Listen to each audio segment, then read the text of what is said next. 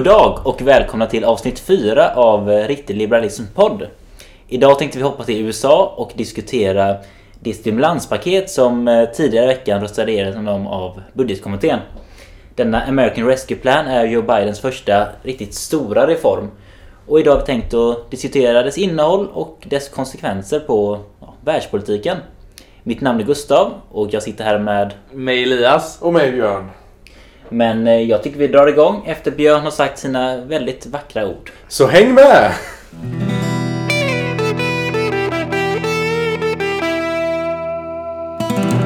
Ja, om vi ser till American Rescue Plan, Bidens första stora förslag, så är det ett stimulanspaket för att försöka lösa den, både den sjukdomsmässiga men också den ekonomiska kris som har uppstått ur covid-19. Förslaget uppgår ju till 1900 miljarder dollar. Ja, och för att få lite perspektiv på hur mycket pengar det här faktiskt handlar om, 1900 miljarder dollar, så är det faktiskt åtta gånger så mycket pengar som hela den svenska offentligheten spenderar varje år. Eh, I Sverige så är det ungefär 2000 miljarder kronor eh, årliga offentlighetens spendering. Och eh, detta förslaget bara då från Biden är alltså åtta gånger den summan. Ja, och eh, jag kan avslöja redan nu för att eh, vi är rätt så kritiska mot detta förslaget. Då, som nämnt här, det är ett enormt reformpaket. Men det finns vissa delar som vi ändå ja, kan se som rimliga. Ja, om vi bara ser till förslagen han tar avstamp i när det kommer till hur han ska bekämpa själva sjukdomen. Hur de ska kunna komma ur det. Så vill han lägga pengar på hur infrastrukturen ska se ut kring vaccinering. När han ska vaccinera hela den stora amerikanska befolkningen. Han vill också lägga pengar på att skala upp tester för att kunna upp, hitta klustersmittor för att kunna stänga ner det fort. Och han vill också satsa på att sjukvården ska rustas för att klara av detta.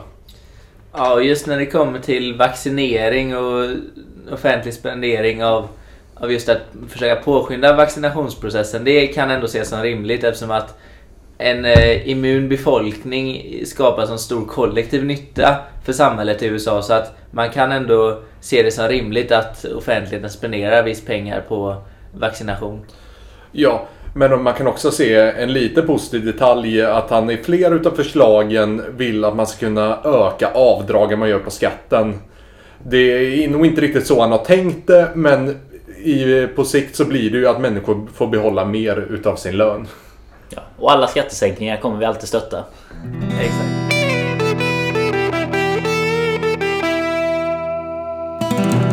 Ja, en av de mest omtalade delarna av det här reformpaketet det är ju Bidens försök till att få en, till en ökning av minimilönerna i USA upp till 15 dollar per timme. Och detta är ju frustrerande för mig då som läser nationalekonomi eftersom det i flera decennier har varit klargjort att minimilöner leder till en ökning av arbetslösheten. Det är inte särskilt orimligt egentligen när eh, man tvingar då företag att betala högre avgift för att anställa personer så kommer de ha råd och vara villiga att anställa färre.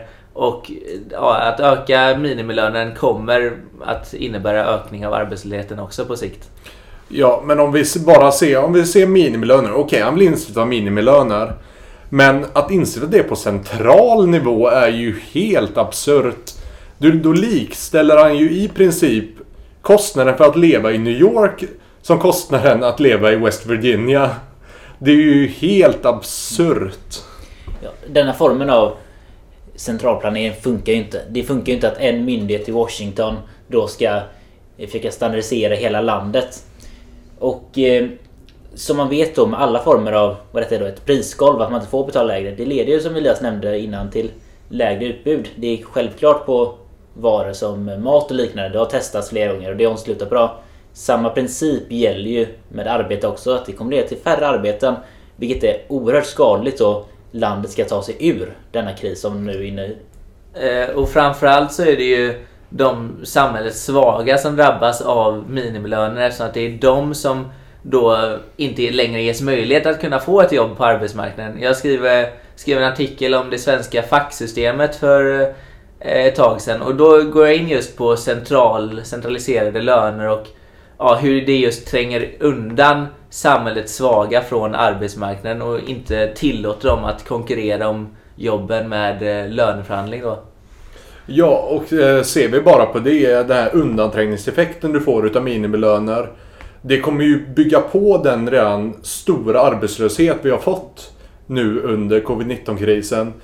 Det är som att du ser en eld brinna och du häller på en dunk bensin och tror att elden kommer slockna.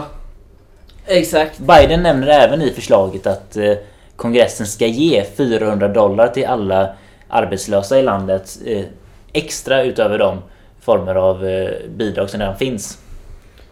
Ja, och det, det här bygger ju bara på de här... Eh, det här förslaget är inte ett krispaket. Det här är ett dolt vänster, det här är dold vänsterpolitik som man försöker trycka igenom genom att säga att det är stimulanspaket. Det är ju oerhört dumt att i en kris där man, där man bör ta sig ur en kris att betala människor för att inte jobba. Utan detta är ett tillfälle fler behöver vara jobb. Och inte då utnyttja krisen för att eh, ja, införa mer vänsterpolitik i landet. Ja, en av eh, de största negativa effekterna av den här hårda nedstängningarna och av ekonomin som USA har upplevt eh, är ju just att det har blivit en hög arbetslöshet. Och då behöver man inte spärra på det problemet ytterligare genom att dessutom ge pengar till folk för att de inte ska jobba. Utan det kommer bara återigen leda till ökad arbetslöshet ytterligare. Och eh, arbetslöshet är ju som sagt då en av de viktigaste faktorerna i ett lands ekonomi. Ja. Hade han varit intresserad utav att minska arbetslösheten så hade han ju inte ökat eh, det människor får för att vara hemma. Utan då hade han istället sänkt kostnader för företag. Så att de har råd att anställa fler trots det tuffa ekonomiska läget de befinner sig i just nu.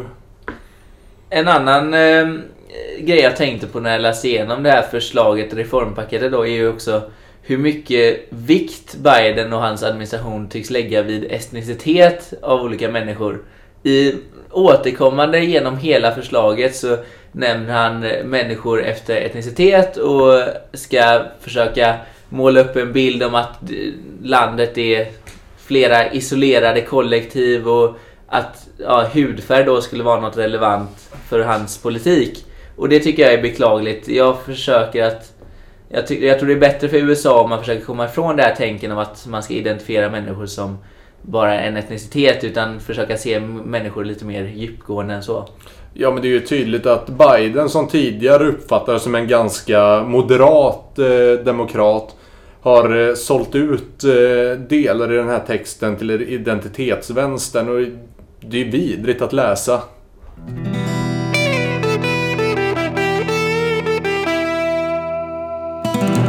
Det kanske mest skadliga med detta eh, stimulanspaketet det är ju de helikopterpengarna som eh, Biden nu eh, erbjuder landet.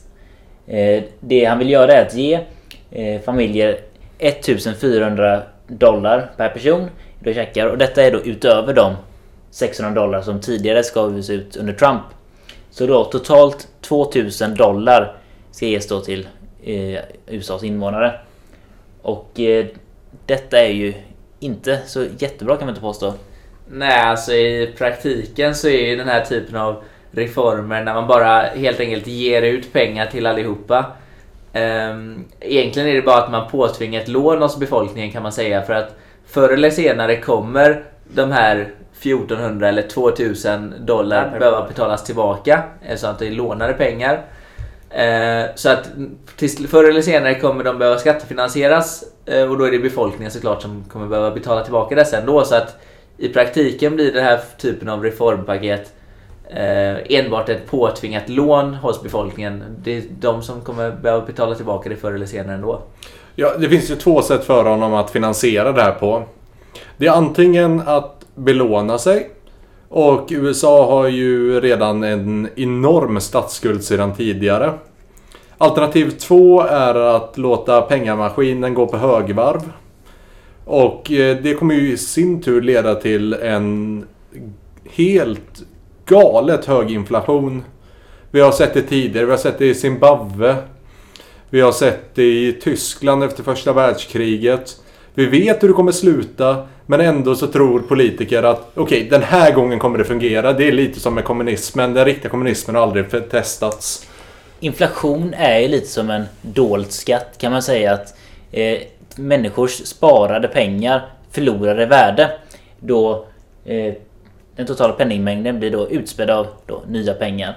Så det de egentligen gör är att allt eh, människor har sparat under sitt liv då tappar värde och eh, vilket man i princip, i princip kan se som en skatt. Eh, och det är ju ett tidslagg eh, i de här typen av nationalekonomiska effekterna så att man kan väl förvänta sig att den här inflationen då som kommer eh, uppstå på grund av det här, de här stödpaketen kanske tar ett och ett halvt, två år innan de blir synliga men det kommer leda till en nedåtgående dollarkurs och en hög inflation för USAs invånare. Ehm, och som sagt, det, på 80-talet och 70-talet så var det vanligt inflationsproblem ett vanligt fenomen och att man inte har lärt sig bättre fortfarande är oförståeligt. Ja, men som vi, vi satt och diskuterade det här lite innan vi satte igång avsnittet med att det kommer bli väldigt skönt att åka på semester där för vår svenska krona kommer helt plötsligt vara värd mer jämfört med vad deras dollar är.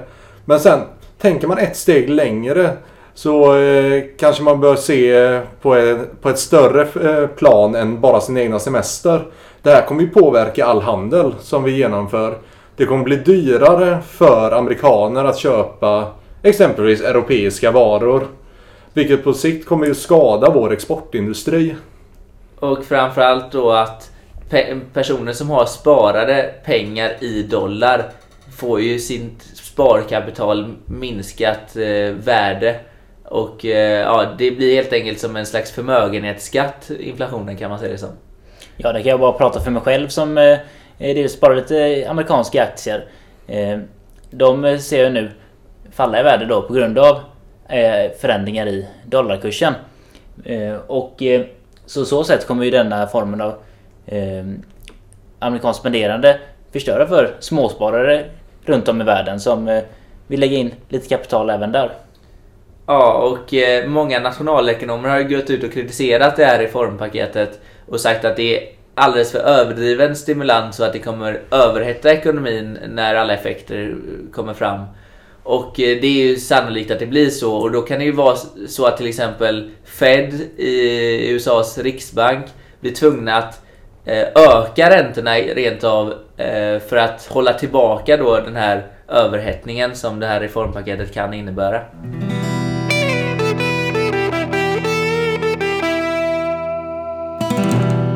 Vi nu tar dock lämnar USA och mer diskuterar vad dessa politiska förslag har för effekter generellt. Så kan vi först då nämna att eh, som nationalekonomen Milton Friedman sa att det finns inget så permanent som tillfälliga statliga program. Och det är en effekt av detta att man ökar spenderingen nu tillfälligt så har den förmåga att bita sig kvar. Exakt och det här stödpaketet nu som vi har diskuterat från Biden det är ju egentligen i grund och botten vad vi kallar expansiv finanspolitik. Alltså att man försöker pumpa upp ekonomin genom att spendera massa pengar från statlig nivå.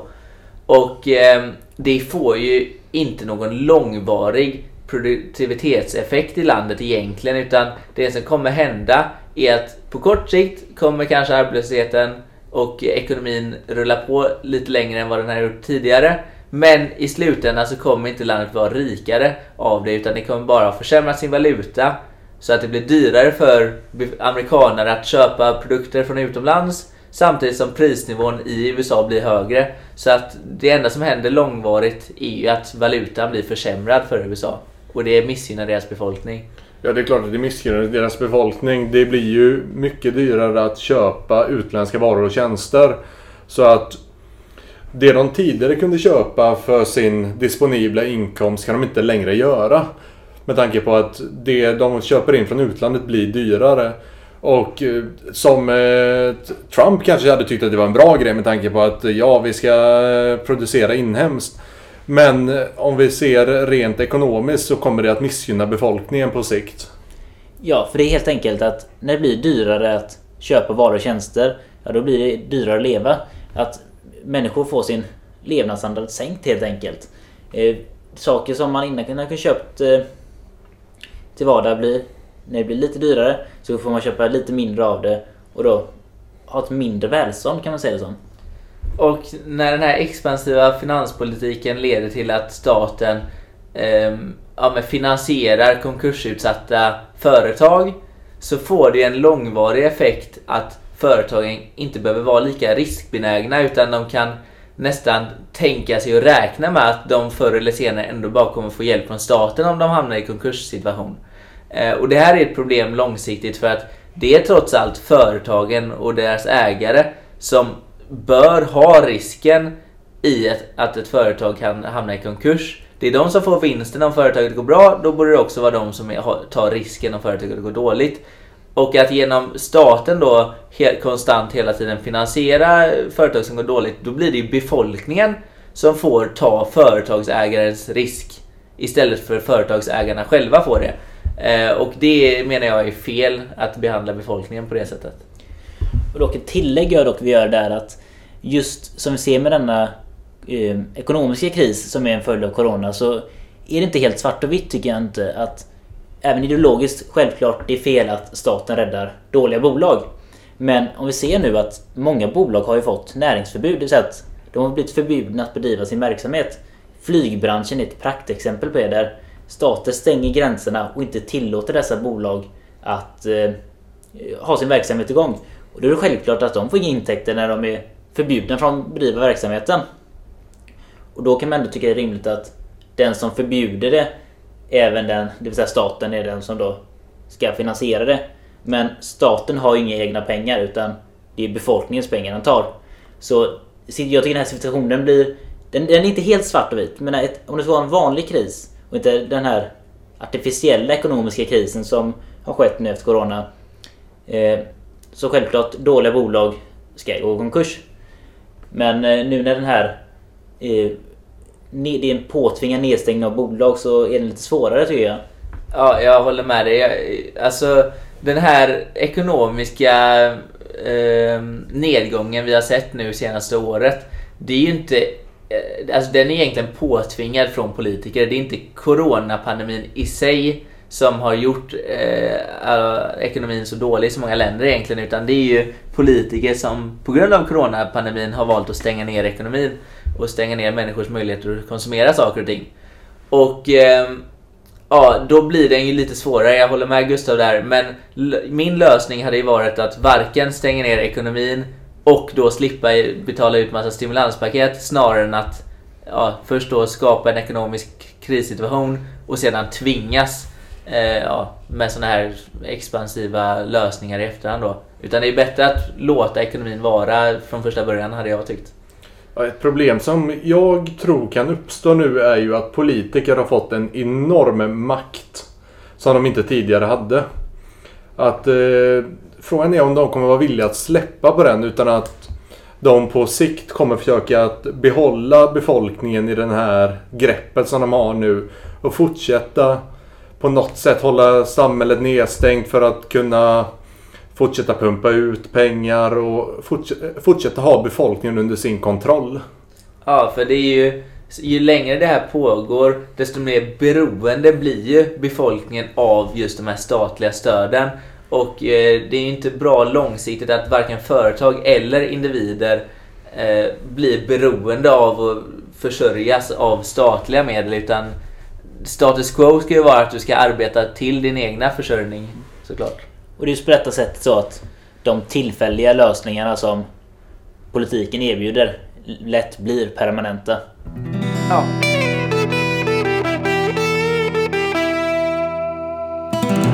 Så, det var lite kortfattat om eh, våra åsikter gällande president Bidens America Rescue Plan.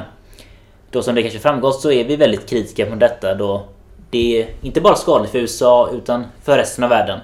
Det går inte att se det isolerat att någonting händer i USA borta och det kommer inte påverka oss. Utan vi lever i en globaliserad värld. Det som händer i land 1 kommer påverka land 2. Ja, och värst drabbade är de personer som har det svagast i både USA samhälle och det globala samhället.